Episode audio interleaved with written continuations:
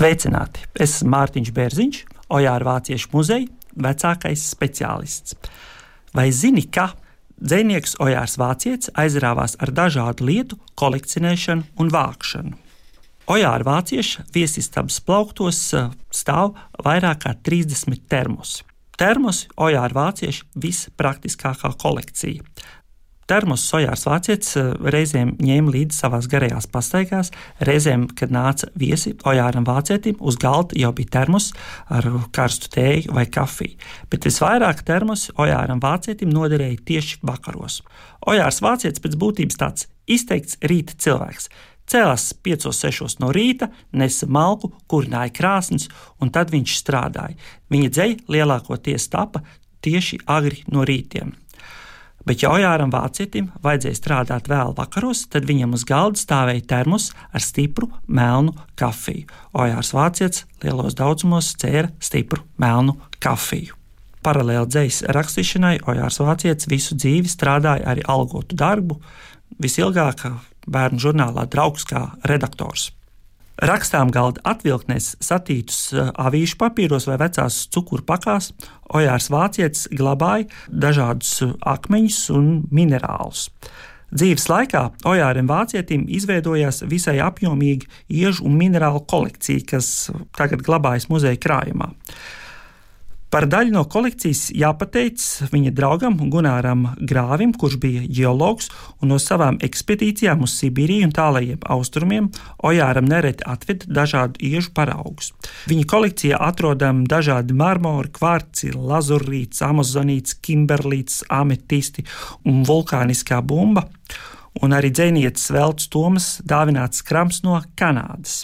Dzēnieka sieva Ludmila Azārova sauca viņu par akmens serdzīgu, bet arī pati ar lielāko prieku piedalījās šajā akmens serdzībā un no pastaigām pa Rīgu bieži nesa mājās akmeņus. Kopā ar Ojāru Vācieti viņa brauca uz komandējumos uz Sibīriju un tālajiem austrumiem, un tur ievāktos iežus un minerālus pa pastu sūtījusi uz Latviju, un dzēnieka sievas mātos līku muguru nesusi mājās no pasta. 1963. gada 19. decembrī vēstulē Gunāram Grāvim Ojārs Vācietis raksta: Ļuda ģīpst no taviem akmeņiem. Es arī. Akmeņi pilnīgi atbilst manai diletanta gaumei, ir ļoti krāšņi un efektīvi. Bet dziniekiem ir vēl arī citi vaļasprieki. Viņš eh, kolekcionēja nozīmītas, pasmarkas, kārtas, eh, sērkociņu, kārbiņu etiķetes. Šīs kolekcijas atklāja ne tikai vācieša daudzpusīgās eh, intereses, eh, bet arī raksturo viņa laiku kopumā. Pasmarku sērijas eh, attēlo padomju laika cilvēku sasniegums, nozīmīšu kolekcijas vēst par vietām, kuras apmeklētas, un tā laika nozīmīgiem notikumiem, piemēram, 1978. gada futbola čempionātu vai 1980. gada Maskavas Olimpiskajām spēlēm. Bet Ojārs Vācietis jau nav tāds kārtīgs kolekcionārs, viņš ir drīzāk vācējs.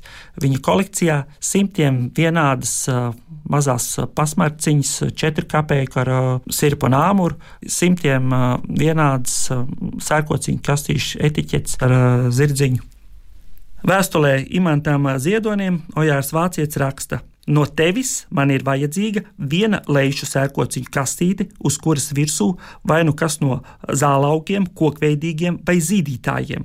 Sliktākajā gadījumā virsū var būt pats dabas kronis, un labākajā gadījumā kastītes var būt trīs. Atkārtoju, man nav svarīgi, kas iekšā, bet kas virsū, un vispār pati virsa. Šo atskaņot prasošo virsmu man tagad ir ap 12,000, un krāpēties ap tiem es taisos, kad mani izolēs no sabiedrības.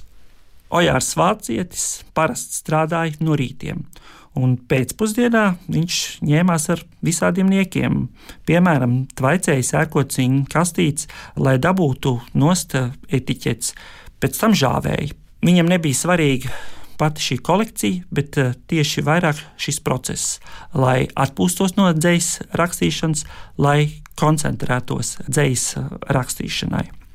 Reizēm Ojārs Vācietis uh, ļoti daudz zīmēja. Viņiem ir tādi api, kurus mūsdienās mēdz dēvēt par mandalām. Ojārs Vācietis to sauc par apiem, jeb šķīvjiem. Reizēm dzēnieks sēdēja un no plānā rakstām papīra vai no kopapīra grieza sniegpārsliņas.